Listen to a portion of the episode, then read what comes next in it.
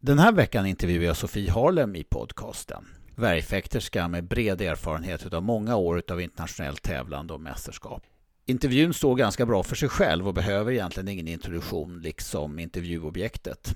Vi kommer in och diskuterar lite grann på Peter Westbrook Foundation och jag lägger med en länk faktiskt till en eh, liten Youtube-film som eh, FIE har producerat om Peter Westbrook och titta gärna på den för att eh, den är lätt att bli berörd utav. Så varsågoda, här kommer Sofie Harlem.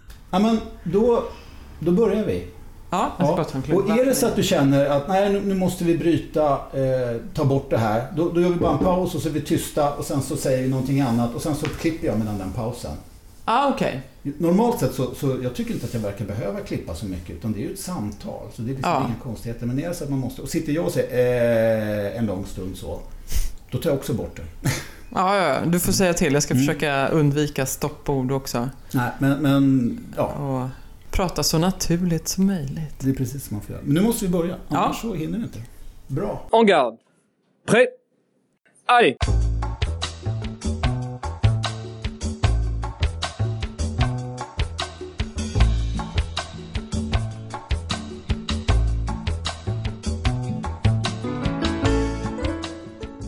Då säger jag hjärtligt välkommen Sofie Harlem till min fäktpodcast Bakom masken på. Ja, tack så mycket Henning. Är Trevligt att vara här. Jag är väldigt glad Ja. att du vill ställa upp och komma till min podcast, även om vi faktiskt är hemma hos dig. Ja. Det känns väldigt trevligt att det är jag som får... får Du är välkommen. Ja. Sofie, du kommer från en fäktfamilj, Ja, verkligen. Där mamma har fäktat och var, vunnit flera SM. ja precis. Många individuella SM6 tror Jag var jag. inne och tittade, det var en hel Ja. följd av år där, Kristina. Och ganska tidigt också. Jag tror hon var bara Ja, 16 eller något sånt där när hon Mm. tog sitt första individuella och till och med 13 när det var lag-SM. Så att, Mm. ja. Ja, henne ska jag nog prata med en annan gång. Så Ja. henne. Jag har morbror också. ja, Hans Lagervall. Som ju fäktade och som också hade vunnit SM såg jag och som var landslagsfäktare och gjorde någon...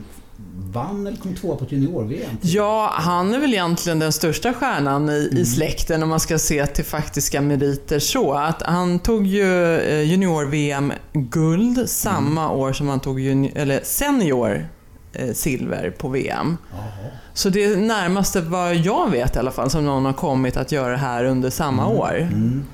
Sån här Och eh, sen vann, ja, ja precis. Sen vann han Martini Cup eh, på den tiden i London och Heidenheim i lag också med Göteborg. 62 jag tror det var. Och var med på två OS. Två OS också. Men sen Ja. slutade han tvärt någon gång i mitten på 60-talet. Ja, han var ung. Det var bara dryga Vad berodde 20. det på att han bara la sig? Det var utbildning? Ja, lite, ja, det hade väl varit väldigt intensivt under en Mm. lång period, så han var väl mätt tror jag. Mm, mm. Utan att veta mer i detalj. Och sen har din bror fäktat också. Ja, Ja. Christian ja. Ja, och han höll på många år på Djurgården och, och sen Ja. gick han över till SAF också. Och sen så vet inte jag faktiskt, men din far, Ja, Jakob, eller Japp Harlem, Ja. var han också inblandad med fäktning eller var det genom... ja absolut. Det här är Henning, bör, du- behöver du veta här Ja, som ja, djurgårdare. berätta. Nej, men han var ju ordförande på Djurgården och han var faktiskt eh, drivande i att få den nuvarande lokalen på plats Ja. i, i Ropsten. Ja. Och han var ju väl mer glad motionär så att Mm. Eh, han tävlade aldrig vad jag vet. Men han och mamma träffades då helt enkelt på Djurgården. Så det var Jaha. en av många kärlekspar i den här Ja, världen ja. från fäktningen. han, han kom hit, flyttade hit från Holland. Han var Ja. uppvuxen, född i Holland. Ja, kom hit på till Sverige. 50-talet. Ja. Och det är egentligen också en slump. Han skulle emigrera till Kanada.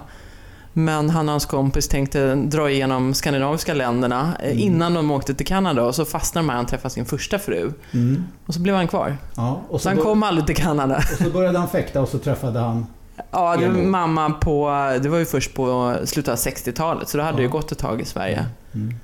Men eh, ja, det var faktiskt Bela som du mycket väl vet vem det är Ja, såklart. säga. Det var han som, det här är faktiskt en väldigt rolig historia. Eh, han totade ihop dem. Han hade väl, eh, du vet säkert du bättre än jag, att han hade öga för vilka som var lite på gång och hade gott öga till varandra. Sånt öga, det visste däremot inte. Nej, men i det här fallet i alla fall. Han, eh, ja, tidig matchmaker. Ja, Nej, var, han, han skjutsade hem min mor eh, till Lidingö. Hon bodde i någon liten lägenhet där eh, Mm. på 60-talet. Och då hade mamma skilt sig. Och, och Bela sa då på sitt sätt, eh, nu dags att gifta om sig, du prövade en Jakob Harlem, Ja. sa han.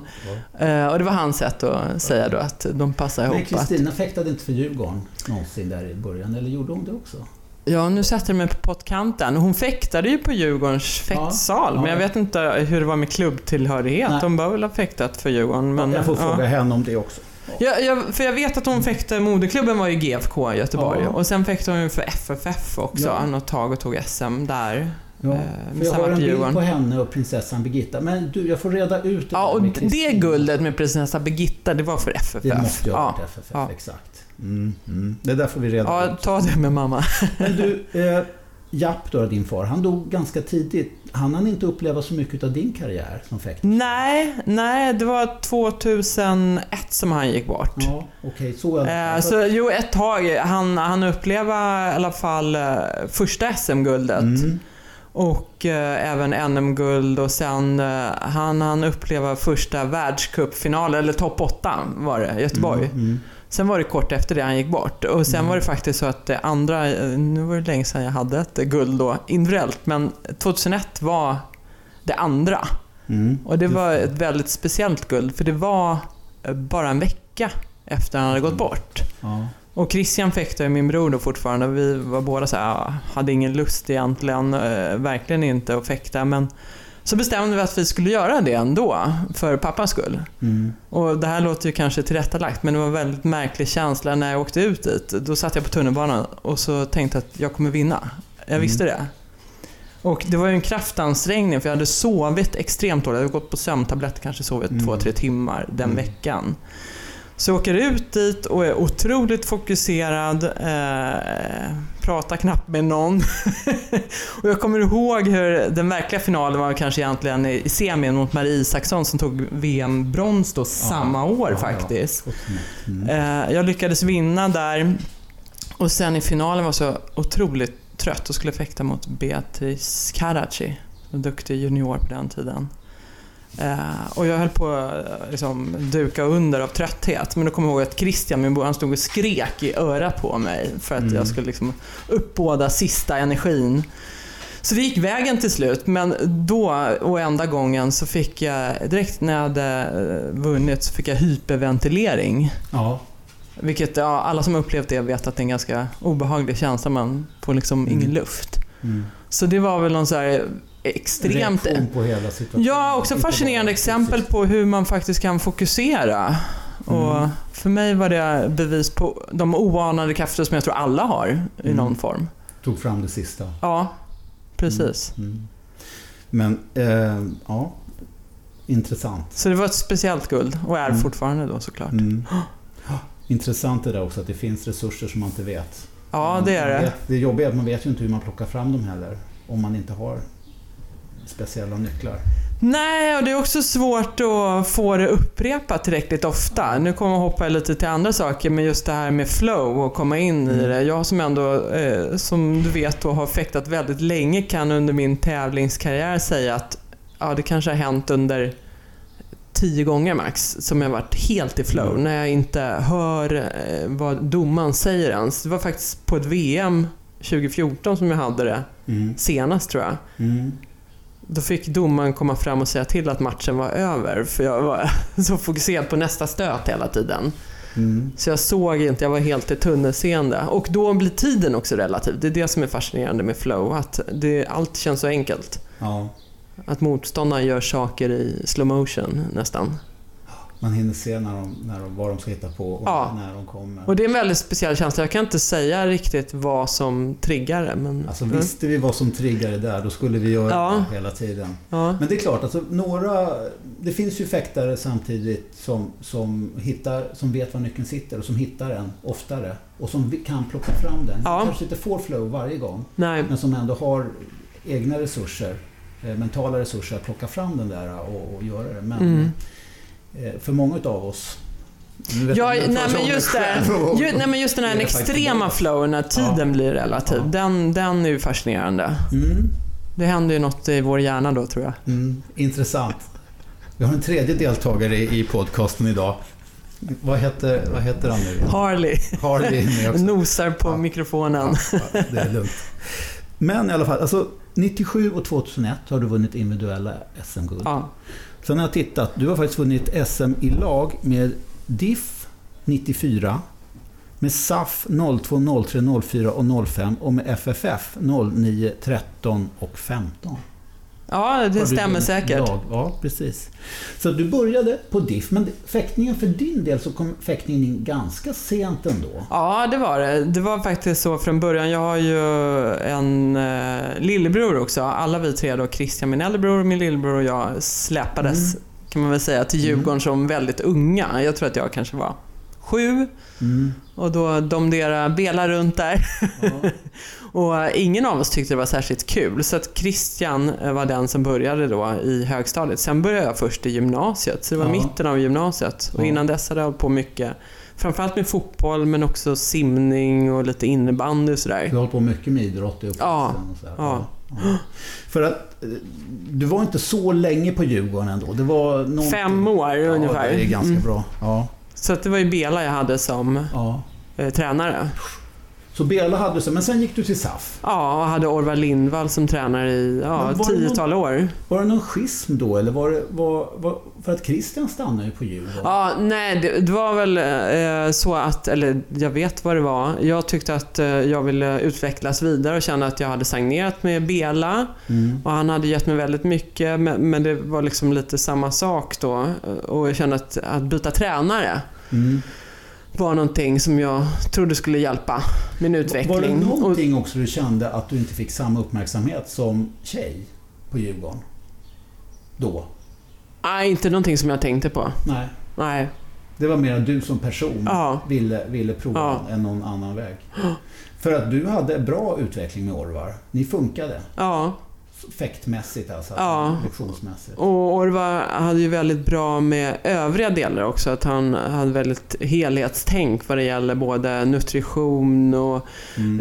eh, konditionsträningen och, och eh, vad tänker jag mer på? Psykologin såklart. Ja. Så han införde de delarna också.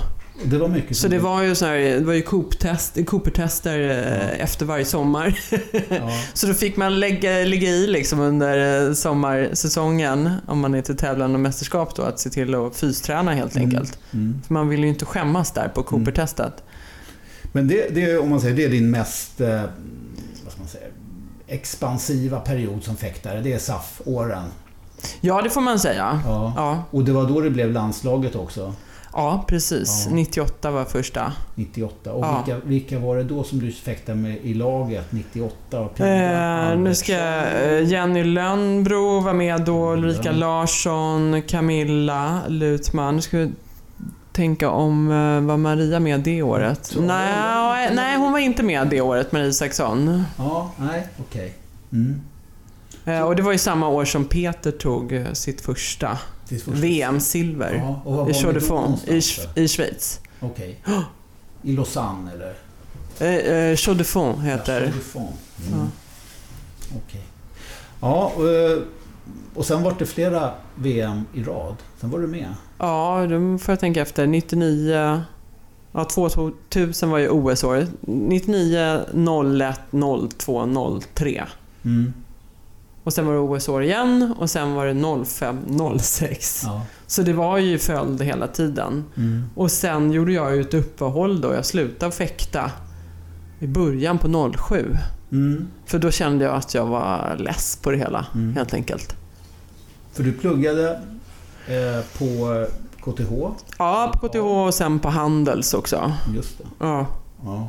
Men vid det laget när jag slutade då, då hade jag ju jobbat ett tag också. ja, för du hade också din dåvarande arbetsgivare med på tåget ganska Ja, bra. men det var ju del. fantastiskt bra. Både eh, lite hundhår på micken. Mm. Både arbetsgivaren som sponsrade med tid att träna Mm. och sen också KLM som eh, sponsrade med flygbiljetter. Så det var ju fantastiskt bra Mm. att ha de förutsättningarna. Mm.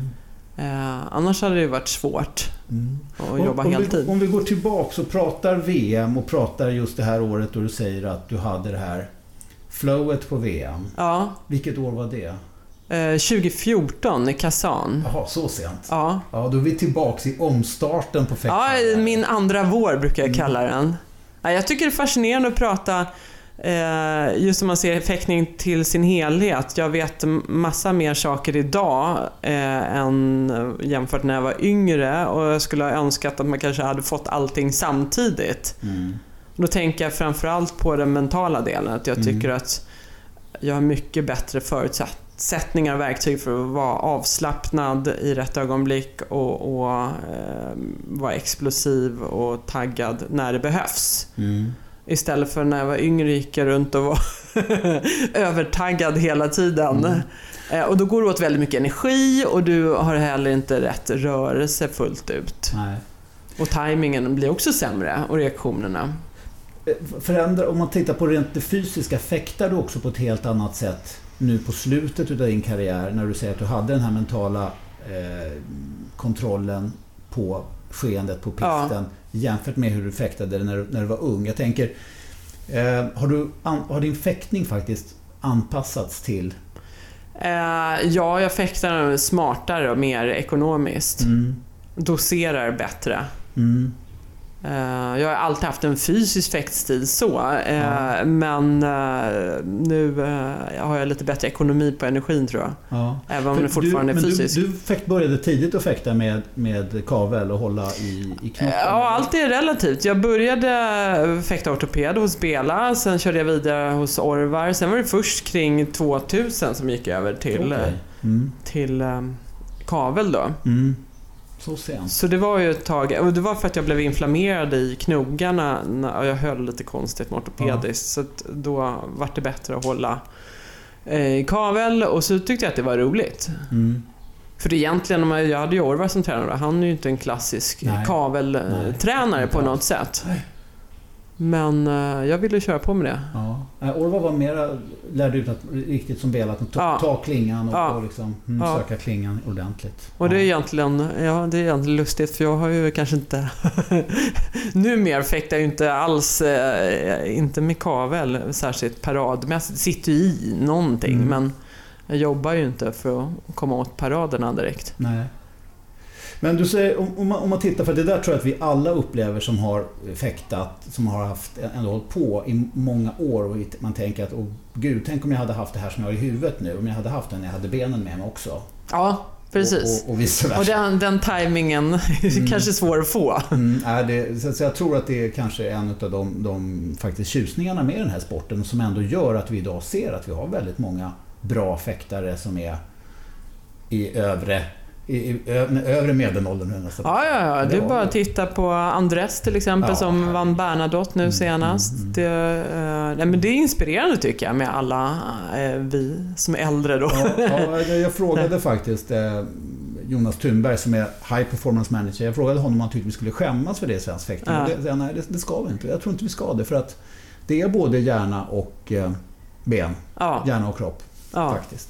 Men det som jag tycker är intressant är att se hur, hur man faktiskt som fäktare ändå har, har förändrat sin taktik och sitt spel med åren. Att man gör saker idag som man, som man inte visste att man kunde då. Mm, Och naturligtvis gjorde saker då, då som man, man inte kan idag. mm. Mm. Ja, sporten har ju utvecklats, eh, absolut. Och till exempel det här med mindre klingkontakt. Ja, så är det ju. Så är det. Om, om man tittar på mentala förberedelser när du kom in i det här flowet och Orvar jobbade också med mentala förberedelser. Har du gjort sådana grejer inför tävlingar under din karriär för att hitta rätt nivå av tändning? Mm, mm, absolut. Jag på senare tid, vilket jag har färskat, färskast i minne, är ju att eh, jag har mediterat hyfsat mycket. Mm. Och just komma ner i lugn.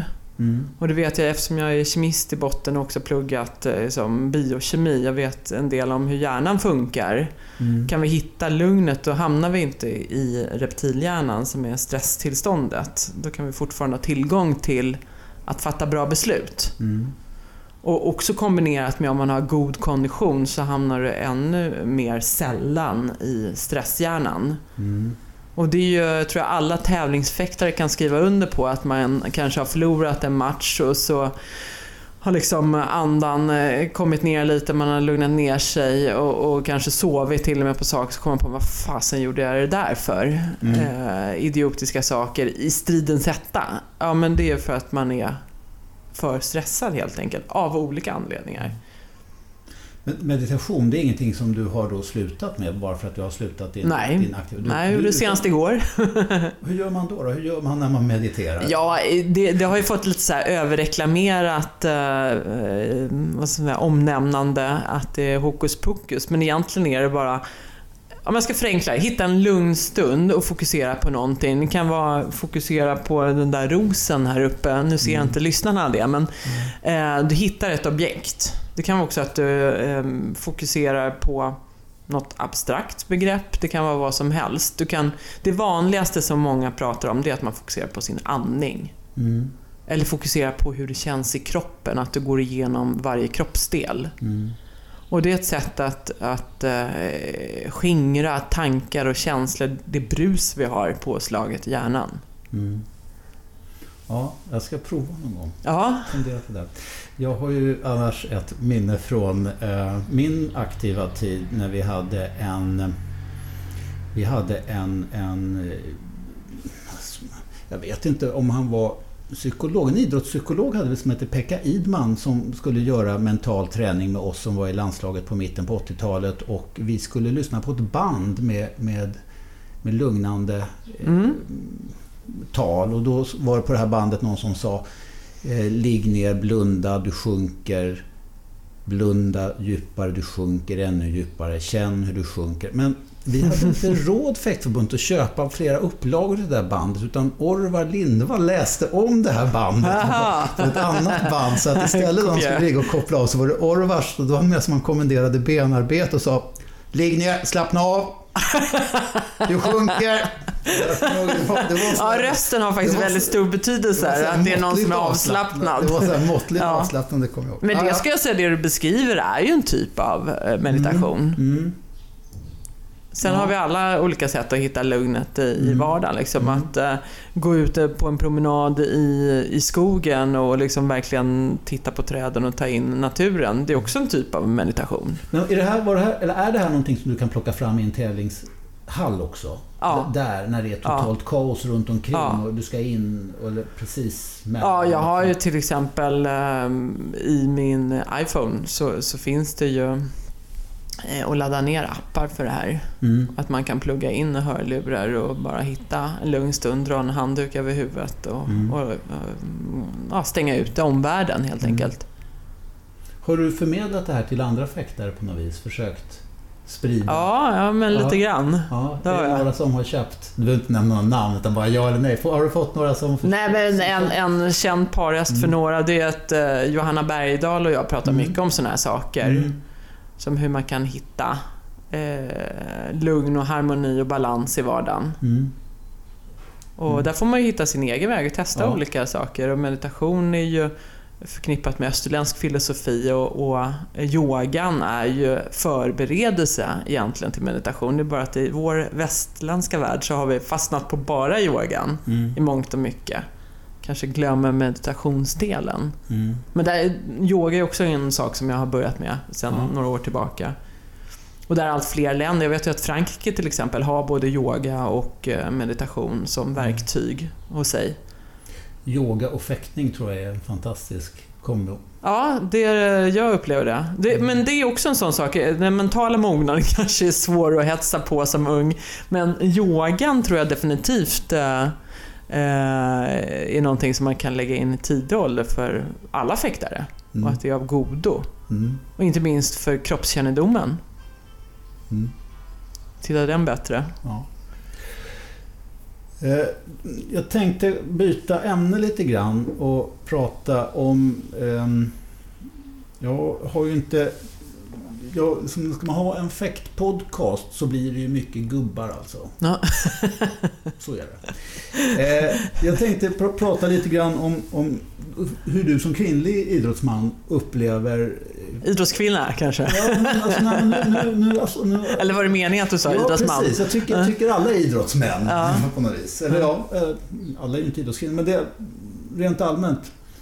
Eh, hur, om du känner själv där att det är att man är att, att, det, att det är en manlig sport, att det, att det är väldigt mycket eh, männens värld, fäktningen. Ja, rent historiskt så är det ju de facto Ja. det om man ser till eh, deltagare. Mm. Men om jag ser idag på FFF till exempel, vilket är extremt roligt, då är ju tjejernas omklädningsrum toksmockat Mm. i de yngre åldrarna Mm. och upp till ja, men tonåren, sena tonåren där vi har många bra tjejer. Mm. Och, ja, det känns som att det är ett, eh, i alla fall på FFF, ett, Mm. ett skifte. Men om, jag tittar på, om du tittar på din karriär och tittar Ja. tillbaka, så rent allmänt på de klubbar, de tränare då, från Svenska fäktförbundets sida. Hur tycker du, hur har, hur har man generellt behandlat tjejer? Har, har, har du satt, känt dig satt på undantag? Som att det är liksom de problemen som damishockeyn har, att de, de tycker inte alls att de får samma... Vi är ju inte publiksport på samma sätt där publiken dras till den manliga delen av. Nej, Så det, nej. Men jag tänker allmänt, känn, har du känt det där?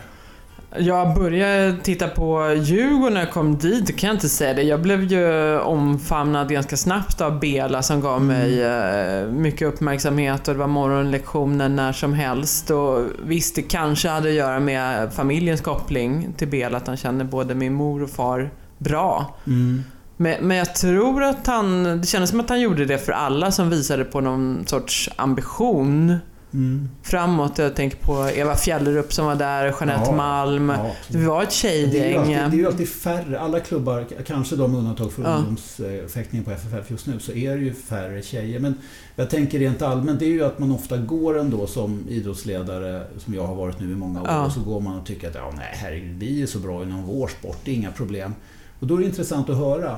Eh, Ja. och för sig skulle jag kanske fråga en ung tjej idag i fäktning, jag kanske skulle få ett annat svar. Ja. Men, i alla fall, du som har varit med många år och som har liksom en stabil karriär bakom dig som har sett mycket så tycker jag då, det känns ju ändå ganska så positivt. Ja, nej, men på klubbnivå kan vi säga, nej, men där har jag känt eh, stöttning. Sen, sen så när jag började fäkta, om man, på förbundsnivå, då var det ju, upplevde jag allt ont om pengar. Ja, precis. Eh, och det är ju kanske inte så könsrelaterat då. Det har ju varit mycket bättre förutsättningar med åren, även om det inte är tokbra fortfarande. Nej. Så att där hänger det ju tyvärr på då att man kan vaska Mm. fram pengar själv på något Mm. sätt, eller genom föräldrar. Ja, där är ju då det tråkiga att det är jäm, jämlikt för att det är lika illa för alla. Så att, Ja, mm, det är ju det är ju tråkigt.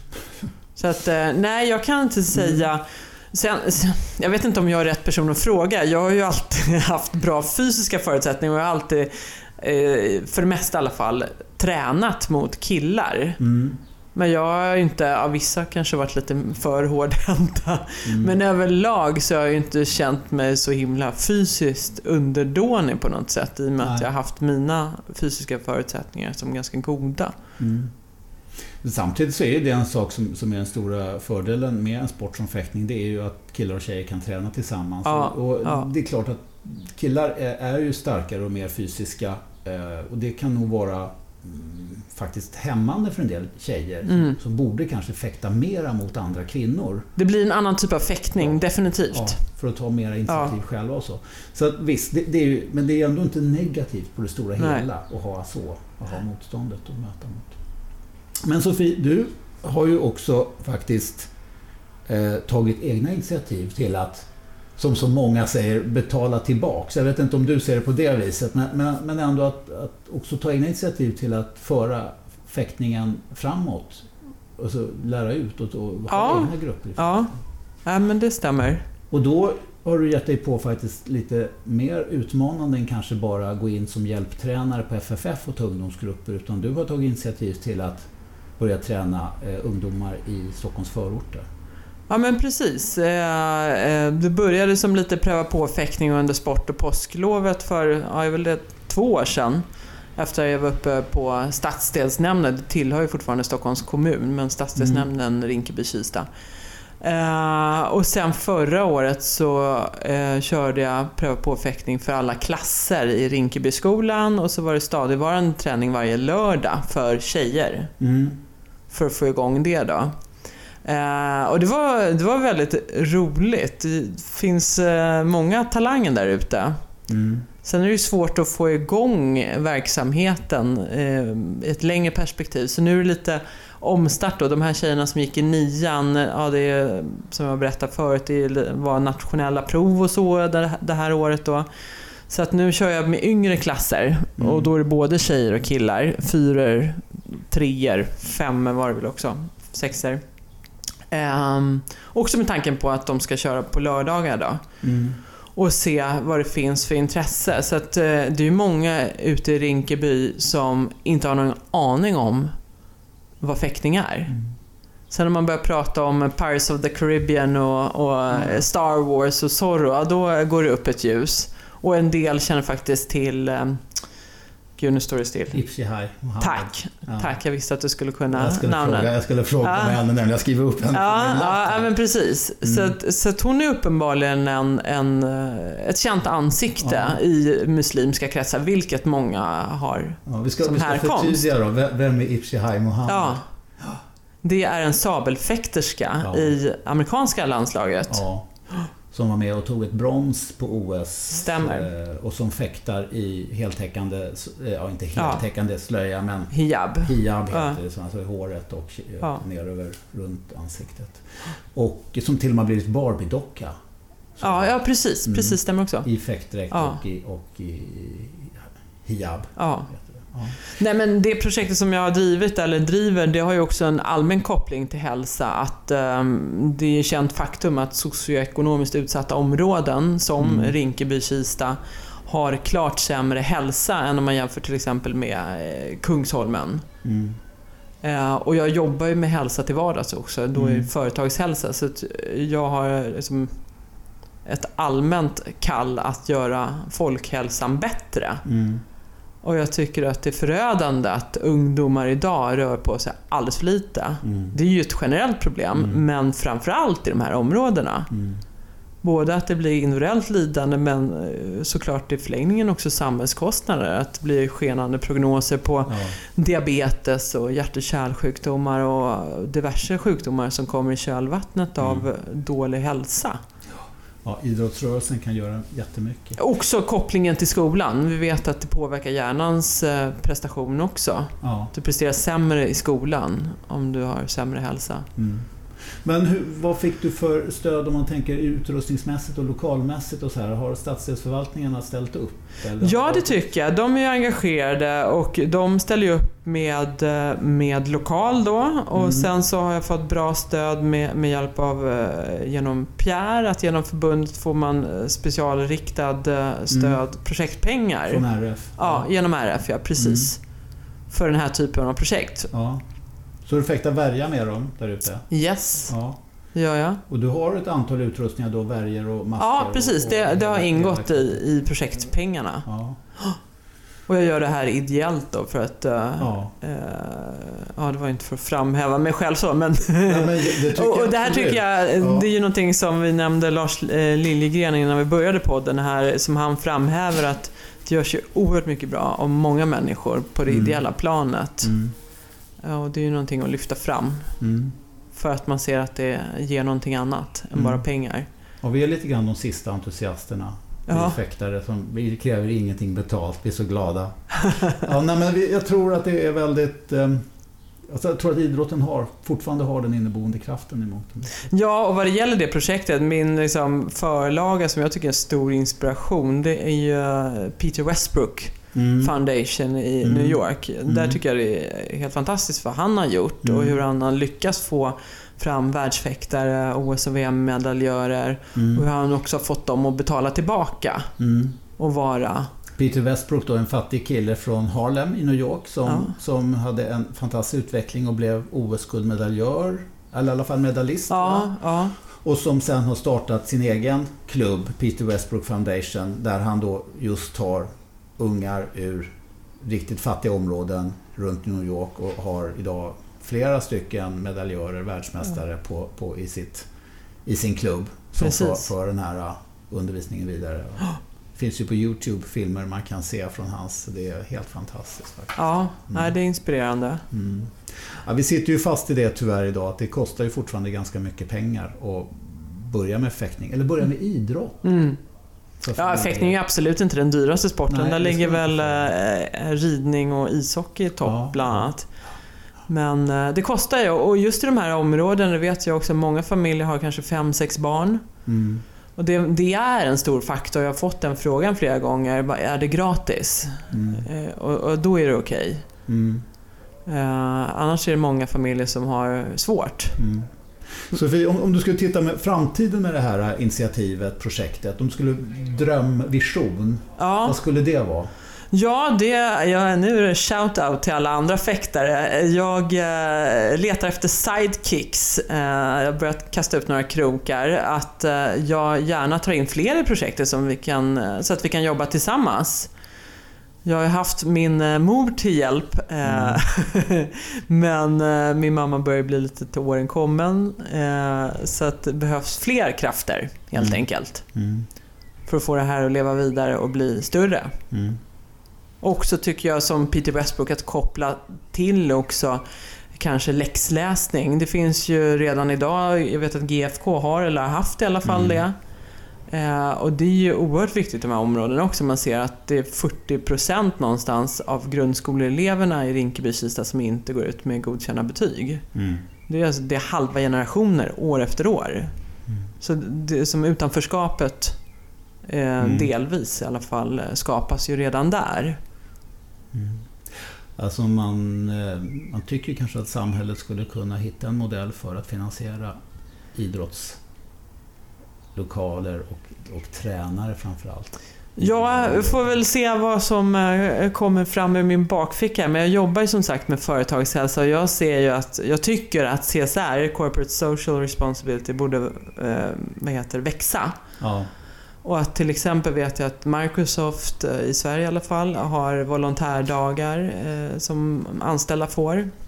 Sådana saker, att man kan göra saker i sitt närområde och också hjälpa till såklart med, med sponsring. Mm. Eh, för, för att dra sitt strå till stacken. Ja. Om man säger så. Mm. Vad intressant och det där låter ju väldigt viktigt. Och eh, spännande. Lycka till Tack så mycket. Säger tack så och så mycket. säger jag också tack så mycket Sofie. Ja. För att jag fick komma och ha den här ja. äh, lilla intervjun. Tack själv. Äh, ja. Det var jättetrevligt. Tack. Ja.